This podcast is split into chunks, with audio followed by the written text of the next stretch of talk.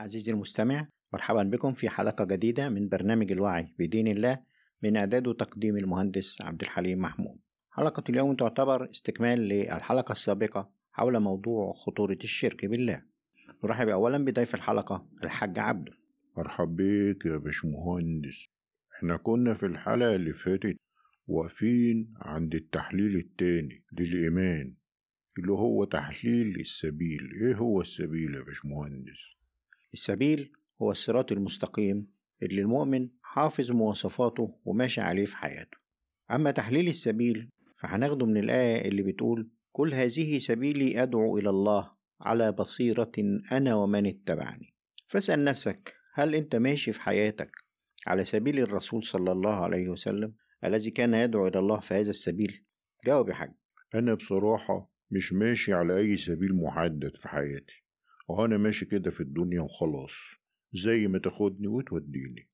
طيب إذا نتيجة التحليل يا حاج إن أنت عندك سبب ومدخل للشرك بالله رغم إيمانك بالله. ليه؟ لأنك لا تتبع أي سبيل في حياتك بدلا من اتباع سبيل الرسول الذي كان يدعو إلى الله.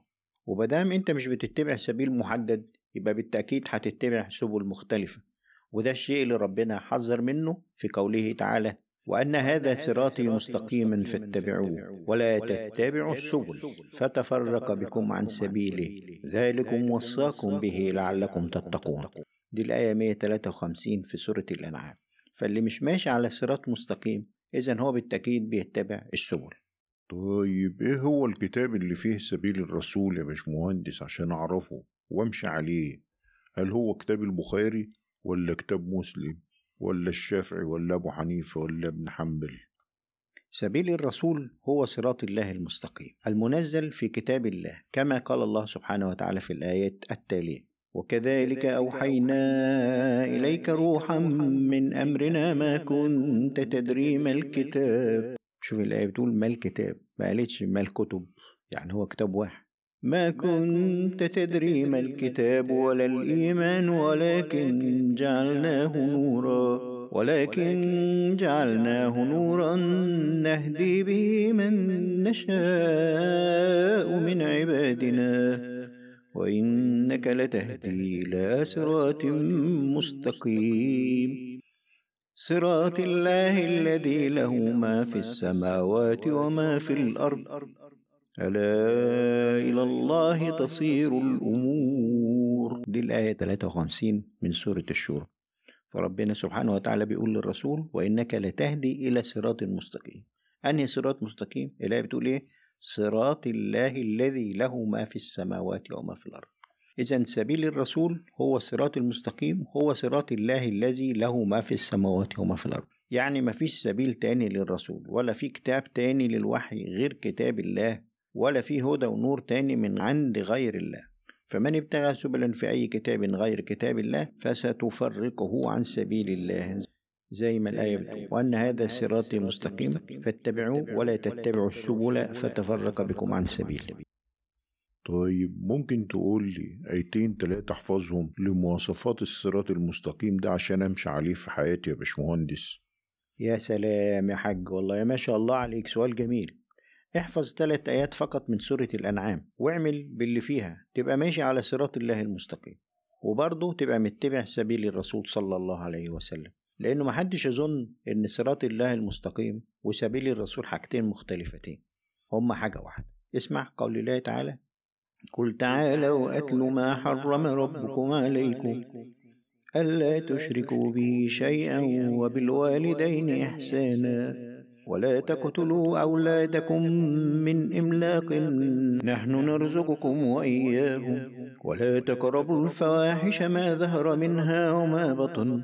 ولا تقتلوا النفس التي حرم الله إلا بالحق. ذلكم وصاكم به لعلكم تعقلون. دي الآية 151 الآية الأولى من الثلاث آيات اللي بنتكلم فيهم وإذا عملت باللي فيها يبقى أنت من الذين يعقلون لأن الآية بتقول إيه؟ لعلكم تعقلون. طيب الآية اللي بعدها ولا تقربوا مال اليتيم إلا بالتي هي أحسن حتى يبلغ أشده.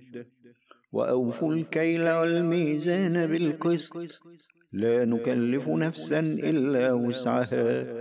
وإذا قلتم فاعدلوا ولو كان ذا قربى. وبعهد الله أوفوا.